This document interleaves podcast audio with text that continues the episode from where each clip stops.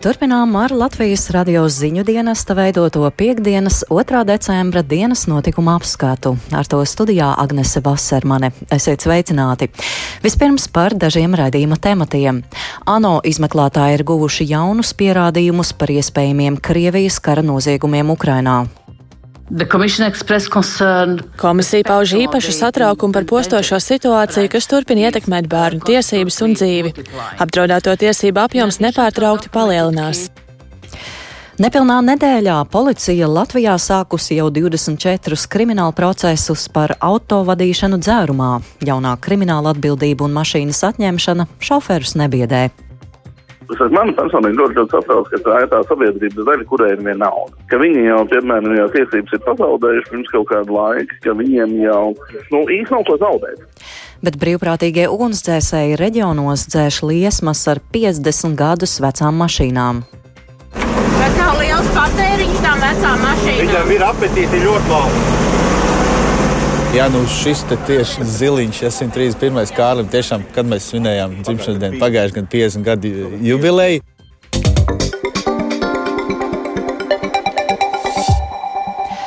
Ukrainā jau 282. dienu turpinās Krievijas izraisītais karš. Apvienoto nāciju organizācijas izmeklētāji guvuši jaunus pierādījumus par iespējamiem Krievijas kara noziegumiem Ukrainā. Karu Ukrainā šodien apsprieduši Vācijas kanclers un Krievijas prezidents. Plašāk par to Ulda Ķezberes sagatavotajā ierakstā. Ukrainas karaspēka atgūtajās teritorijās ikdienu atklājas jaunas zvērības, kuras tur pastrādāja iebrucēji no Krievijas.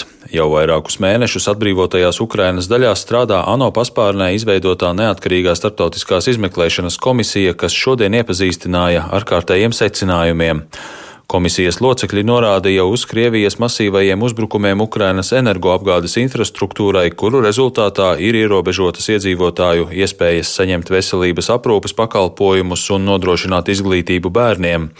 Turpinājumā komisijas loceklis Jasminkas Džumhuras teiktais. The Commission expressed concern particularly about the devastating situation which continues to affect children's rights and lives. Komisija pauž īpašu satraukumu par postošo situāciju, kas turpina ietekmēt bērnu tiesības un dzīvi.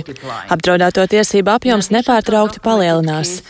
Papildus dokumentētajiem gadījumiem, kas saistās ar bērnu personiskās neaizskaramības pārkāpumiem, mātes, ar kurām tikāmies, pastāstīja, ka bērni saskars ar grūtībām saņemt izglītību. Daudzos gadījumos, jo īpaši aktīvās kara darbības zonā, sagrautās un nopostītās skolas liedz fiziski piekļuvu izglītībai. Turklāt Covid-19 pandēmijas laikā laikā izveidotā tiešsaistes izglītības sistēma kara laikā joprojām tiek izmantota kā viens no izglītības modeļiem. Tomēr uzbrukuma energosistēmai apdraud šā modeļa efektivitāti. Īpašs izaicinājums ir nodrošināt piekļuvi izglītībai bērniem, kuri dzīvo tādos reģionos kā Harkiva un Hersona.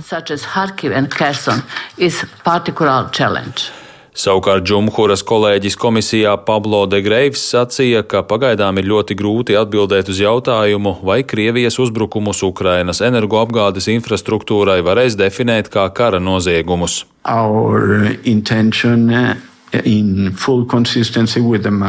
Mūsu nodoms ir pilnīgā saskaņā ar mandātu veicināt atbildību par starptautisko humanitāro tiesību pārkāpumiem. Startautiskajās humanitārajās tiesībās ir noteikumi par civilās infrastruktūras aizsardzību. Daļa no analīzes, ko mēs pašlaik veicam un turpināsim veikt tuvākajās nedēļās, ir par to, vai šie uzbrukumi ir kara noziegumi Un, ja tā ir, ko mēs varam darīt, lai veicinātu atbildību par šādiem noziegumiem? Bet, protams, tas ir jautājums, pie kura mēs intensīvi un ļoti nopietni strādājam. ANO neatkarīgā starptautiskās izmeklēšanas komisija Ukrainā savu darbu turpinās un gaidāms, ka tās gala ziņojums tiks publicēts ne agrāk kā nākamā gada martā. Arī aizvadītajā naktī Krievija veica raķešu un artilērijas uzbrukumus Ukrainas kritiskajai infrastruktūrai. Zaporīžas pilsētā triecienu mērķis bija rūpniecības un enerģētikas infrastruktūra, bet kaimiņos esošajā Ņipropetrovskas apgabalā intensīvas apšaudes piedzīvoja Nikopole un Margaņeca. Šodien notikusi Krievijas prezidenta Vladimira Putina un Vācijas kanclera Olafa Šolca telefona saruna. Tās laikā galvenā uzmanība bija pievērsta karam Ukrainā. Šolts Putinu aicināja pēc iespējas drīzāk rast tādu diplomātisku risinājumu karam, kas paredzētu Krievijas karaspēka izvešanu no Ukrainas. Šolts arī nosodīja Krievijas uzbrukumus Ukrainas civilajai infrastruktūrai un uzsvēra, ka Vācija turpinās piegādāt bruņojumu Ukrainai. Šeit jāpiebilst, ka Vācija šodien paziņoja par vēl septiņu pašgājēja pretgaisa aizsardzības sistēmu Gepard piegādi Ukrainai. Savukārt Putins Šolcam sacīja, ka viņa karaspēka triecieni Ukrainas kritiskajai infrastruktūrai esot neizbēgama atbilde uz oktobrī notikušo uzbrukumu Krīmas tiltam, kurā Maskava vaino Kīvu. Uldis Česberis, Latvijas radio. Lietuvas kultūras ministrija aicina pasākumu rīkotājus neielūgt uz valsti Krievijas māksliniekus, kuri nav publiski nosodījuši Vladimira Putina izraisīto karu Ukrainā. Ministrija šādu paziņojumu izplatīja pēc tam, kad Ukrainas kultūras ministrs Aleksandrs Tkačenko šonadēļ tiekoties ar saviem Eiropas Savienības dalību valstu kolēģiem, aicināja neiesaistīties kopīgos kultūras projektos ar Krieviju. Turpina Huldis Ķēzberis. Lietuvas kultūras ministrija šodien vērsās pie kultūras institūcijām, biedrībām un pasākumu rīkotājiem, mudinot tos uz laiku ierobežot sadarbību ar Krieviju un neielūgt uz Lietuvu Krievijas izpildītājus un kultūras darbiniekus. Izņēmums varot būt personas, kuras ir atklāti kritizējušas Kremļa militāro agresiju Ukrainā un vēršanos pret demokrātisko pasaules kārtību. Lietuva pagājušajā nedēļā melnajā sarakstā iekļāva Krievijā populāro ukraiņu dziedātāju Svetlanu Lobodu, kurai bija paredzēti koncerti koncerti Lietuvas lielākajās pilsētās. Lobada pašlaik dzīvo Latvijā bet Eiropas komisija ir apstiprinājusi jaunu likumu, kas ļautu vieglāk konfiscēt sankcijām pakļautos Krievijas īpašumus. Praktiski tas nozīmē, ka Eiropas noteikto sankciju apiešana kļūs par kriminālu pārkāpumu, kas ir vienlīdz atzīts visā Eiropas Savienībā. Iepriekš šo piedāvājumu apstiprināja arī Eiropas parlaments, kā arī dalībvalstu pārstāvji. Stāsta Uģis Lībietis. Līdzinājais Eiropas Savienības regulējums ļauj sankcijām pakļautos aktīvus tikai iesaldēt, ierobežojot valsts spējas pārvietot vai pārdot, piemēram, vērtīgus nekustamos īpašumus vai grēznas jahtas. Jaunie Eiropas komisijas piedāvājumi paredz, ka atkarībā no pastrādātā nozieguma apmēra persona var tikt apcietināta, bet juridiskajai personai var piemērot soda naudu līdz pat 5% no kompānijas globālās peļņas. Neatkarīgi no šī piedāvājuma Eiropas Savienība arī izskata iespēju, kā novirzīt Ukrainas kritiskās infrastruktūras atjaunošanai daļu no ienākumiem, kas būtu iegūti pārdodot iesaldētos līdzekļus. Līdz šim Eiropas Savienības valsts ir iesaldējušas gandrīz 19 miljārdus eiro vērtus Krievijas pilsoņiem un uzņēmumiem piedarošus piedarošus aktīvus.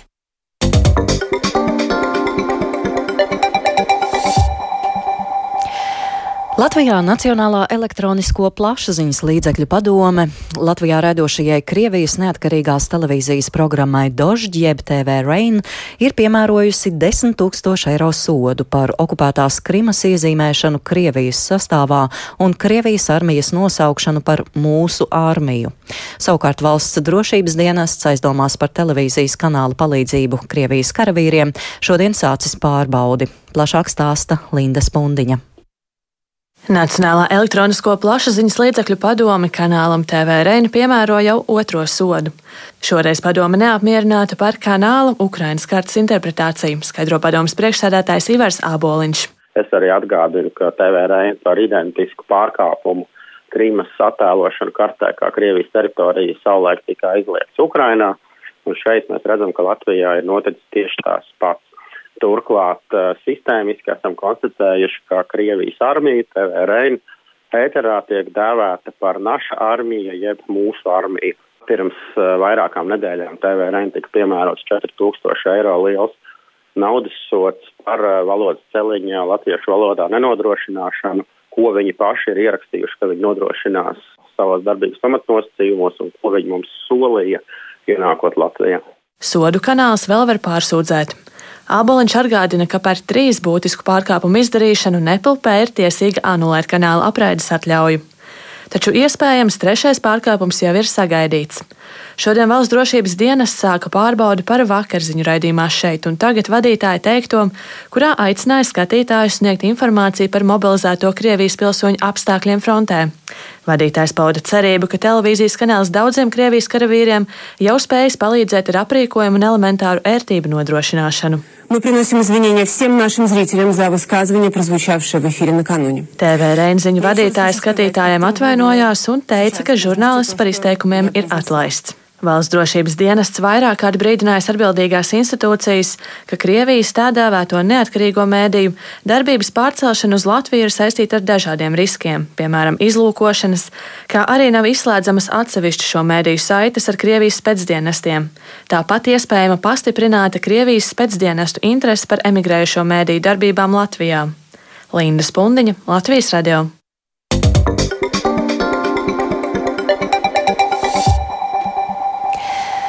Jau nedēļu dzērāju šoferiem, kas braukuši vairāk nekā pusotras promilas reibumā, piemēro kriminālu atbildību un konfiscē viņu vadīto auto. Tomēr tas neatur cilvēkus sēsties pie stūras dzērumā. Līdz vakardienai policija sākusi jau 24 kriminālu procesus. Satiksmes drošības eksperts norāda, ka nozīmīga loma situācijas uzlabošanā ir ne tikai likumiem, bet arī likumsargiem. Vairāk par šo tēmātu klausāmies Lindas Spundiņas ierakstā. Kopš 25. novembra šoferiem braucot virs pusotras promils reibumā piemērojama krimināla atbildība. Likumā paredzētais sots - brīvības atņemšana uz laiku līdz vienam gadam, vai izlaicīga brīvības atņemšana, vai probācijas uzraudzība, sabiedriskais darbs vai naudas sots atņemot tiesības uz pieciem gadiem kā arī tiek konfiscēts piedrošais auto vai piedzīta nauda vadītās mašīnas vērtībā. Kaut arī par likuma grozījumiem un sekojošiem sodiem jau vairāk kārt runāts, jau pirmajā naktī kopš stājās spēkā izmaiņas par braukšanu lielā reibumā apturēja divus vadītājus Latgalē.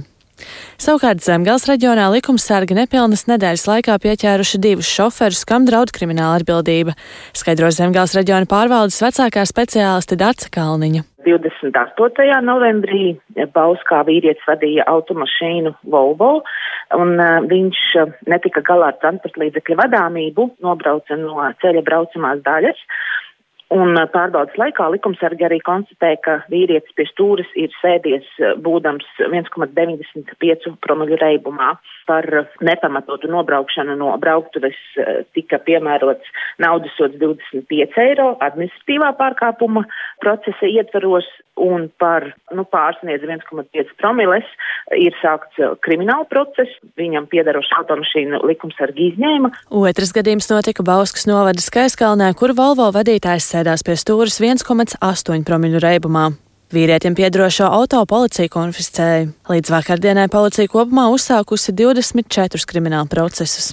Satiksmes drošības eksperts Oskars Irbīts norāda, ka pieķerto autovadītāju skaits ir samērā liels, taču viņu visvairāk satrauc, vai bargais sots sasniegs visus dzērāju šoferus.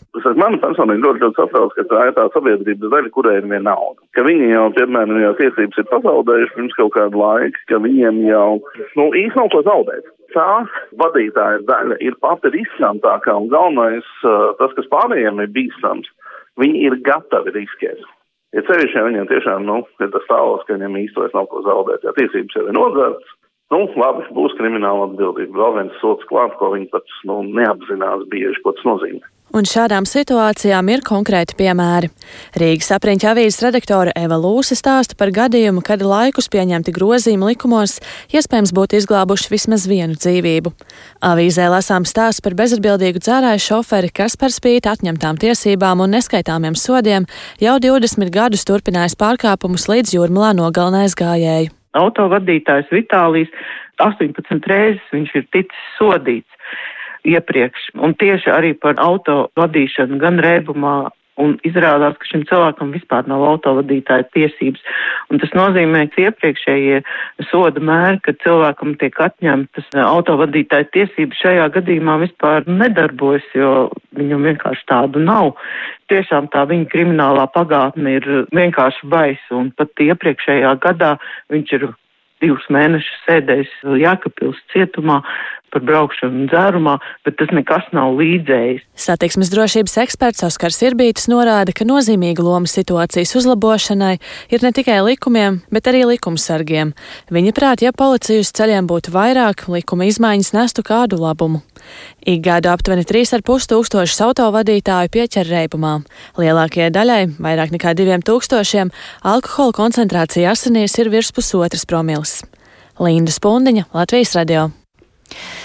Bet ar kādiem izaicinājumiem ikdienā saskaras tie, kuri savā darbā izmanto 50 gadus vecas mašīnas? Pēc novadu reformas Dienvidkurzemes novads mantojumā ir saņēmis arī problēmas, kas saistītas ar brīvprātīgo ugunsdzēsēju darba aprīkojumu. Brīvprātīgo ugunsdzēsēju dienests būtu gatavs pat pārņemt vecāku transportu no valsts ugunsdzēsības un glābšanas dienesta. Šodien Gaviezē Dienvidkurzemes novads pirmo reizi rīkoja brīvprātīgo ugunsdzēsēju mācību mācības. Un par brīvprātīgo ugunsdzēsēju ikdienu vairāk Ingas Ozolas ierakstā.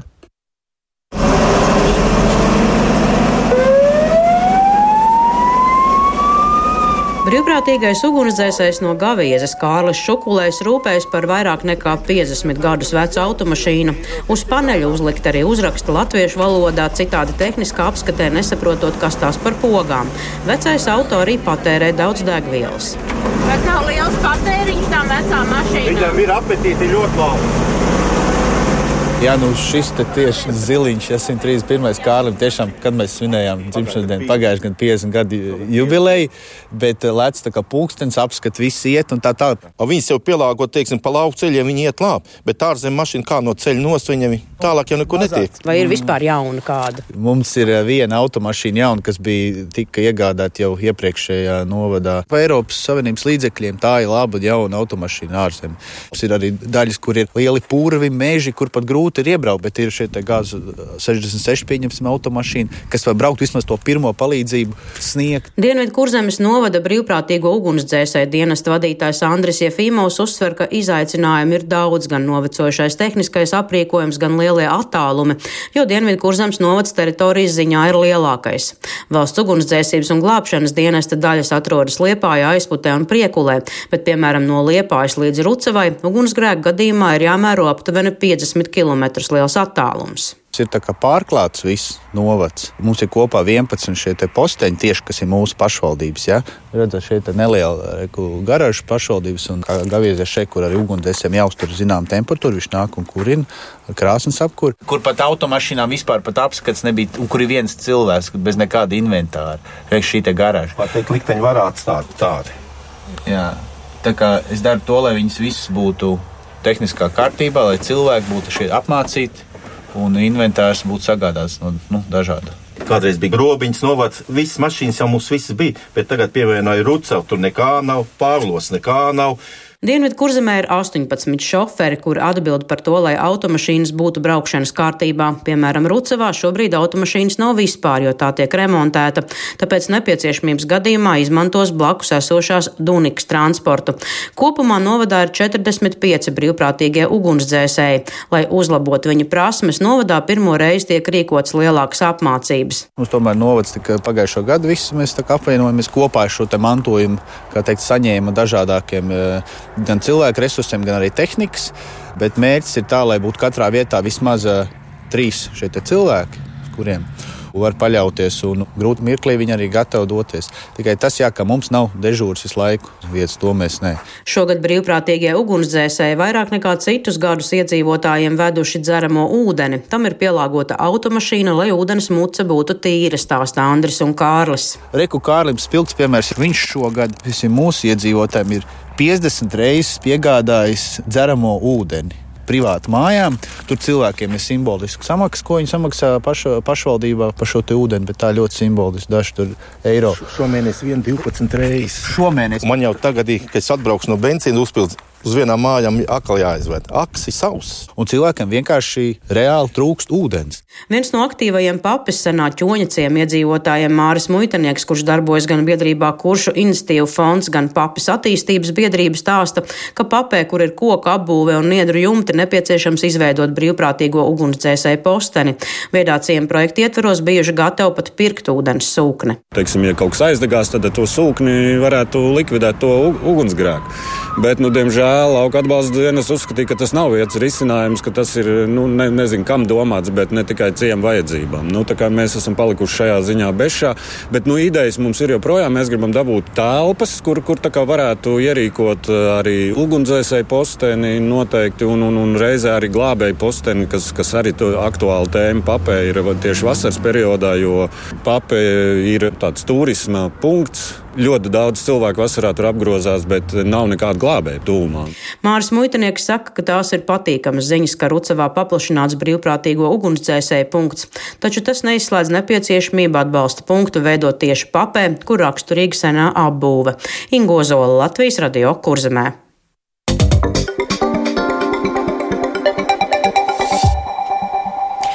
Būvdarbu iepirkumos ir plānots noteikt obligāti piemērojamus zaļā publiskā iepirkuma kritērijus. Šobrīd šo kritēriju piemērošana būvdarbiem ir brīvprātīga.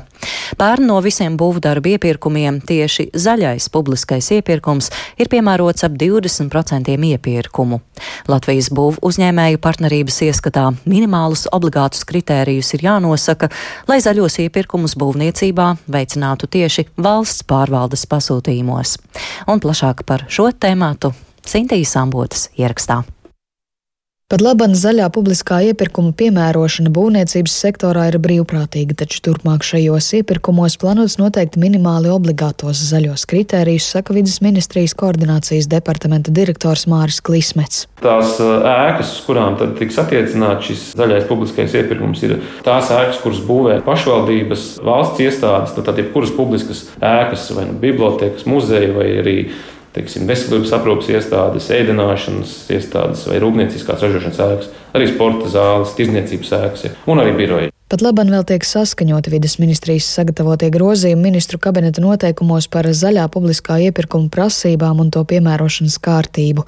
Valdība tos varētu skatīt nākamā gada sākumā. Plānotos obligātos zaļā iepirkuma kritērijus būvniecībā iezīmē klismets. Būvdarbu kritērijos tad ir tādi trīs galvenie, kas ir likumīgas izcelsmes koku materiāli. Tad ir kā tiek apkritumi apsaimniekot objektā, kāda ir šo izmantoto apdars materiālu, nu, teiksim, krāsu ietekmē uz gaisa kvalitāti arī. Un visbeidzot, pēdējā atsevišķā grupa, kas ir izvirzīta ēku likvidēšanai, nojaukšanai. Latvijas būvuzņēmēja partnerības vadītājs Gīns Miķelsons vērtē, ka komercsektorā lielu biroju ēku un loģistikas centru būvniecība arī brīvprātīgi norit pēc zaļajiem principiem, bet kritērijus jāpadara par obligātiem, lai zaļos iepirkumus veicinātu arī valsts pārvaldes būvniecības pasūtījumos. Nu, viņas ir, sauksim tā, daļēji zaļas, ja, bet lai viņas padarītu tā, teiksim, par pilnīgi zaļām, jau nu ir jāsakārto šī uzskaite, lai, lai pareizi tas tiek nodefinēts projektu būvniecības ieceras sākumā, ja tad, kad tiek radīta būtļauja, līdz pat beigām, kamēr tā tiek nodota eksploatācijā. Nu, tad, tur ir svarīgi atsekot pēc vienotiem principiem, nu, kā to zaļumu mērīt. Faktiski jau gadu atpakaļ priekšlikumi ir galdā, jo projām, diemžēl, politiskā turbulence, ja šo noteikumu apstiprināšanu ir, ir paildzinājusi. Piemēram, Valmieras novada pašvaldības būvinženieris Kaspars Kalniņš norāda, ka pašvaldības lielākoties šobrīd ievēro zaļo prasību minimumu, jo tas ir arī finansējuma jautājums. Jā, mums ir tas iztiks minimums, tur pat apgaismojumu mēs vienmēr esam norādījuši, ka tiem gaismakiem jāatbilst ir, un nav problēma izpildīt zaļās prasības problēma, vai tas eh, nerada lieku sadārdzinājumu līdz tādam līmenim, ka mums būs jāatsakās no kādiem projektiem, ja? un atkal nav pretrunā ar tiem mūsu pārējiem būvnormatīviem. Zaļo kritēriju piemērošanai publiskajos iepirkumos būvniecībā gan kopumā ir pieaugoša tendence. Pērn zaļie publiskie iepirkumi būvniecībā īstenot 703 miljonu eiro apmērā, tikmēr 2015. gadā 158 miljonu eiro apmērā. Sinti Ambota, Latvijas radio.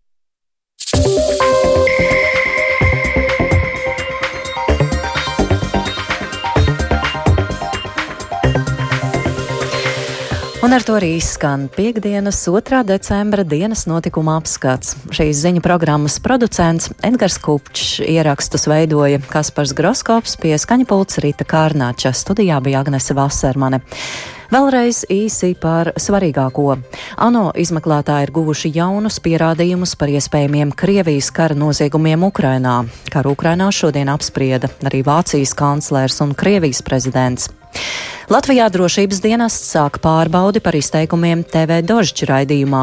Mēdīju uzraugs piemēro 10 tūkstošu eiro sodu par okupētās Krimas iezīmēšanu Krievijas sastāvā un Krievijas armijas nosaukšanu par mūsu armiju. Lietuvas kultūras ministrija aicina pasākumu rīkotājus neielūgt uz valsti Krievijas māksliniekus, kuri nav publiski nosūdījuši karu Ukrainā un nepilnā nedēļā policija sākusi jau 24 kriminālu procesus par auto vadīšanu dzērumā. Jaunā krimināla atbildība un mašīnas atņemšana šoferus nebiedē. Yeah.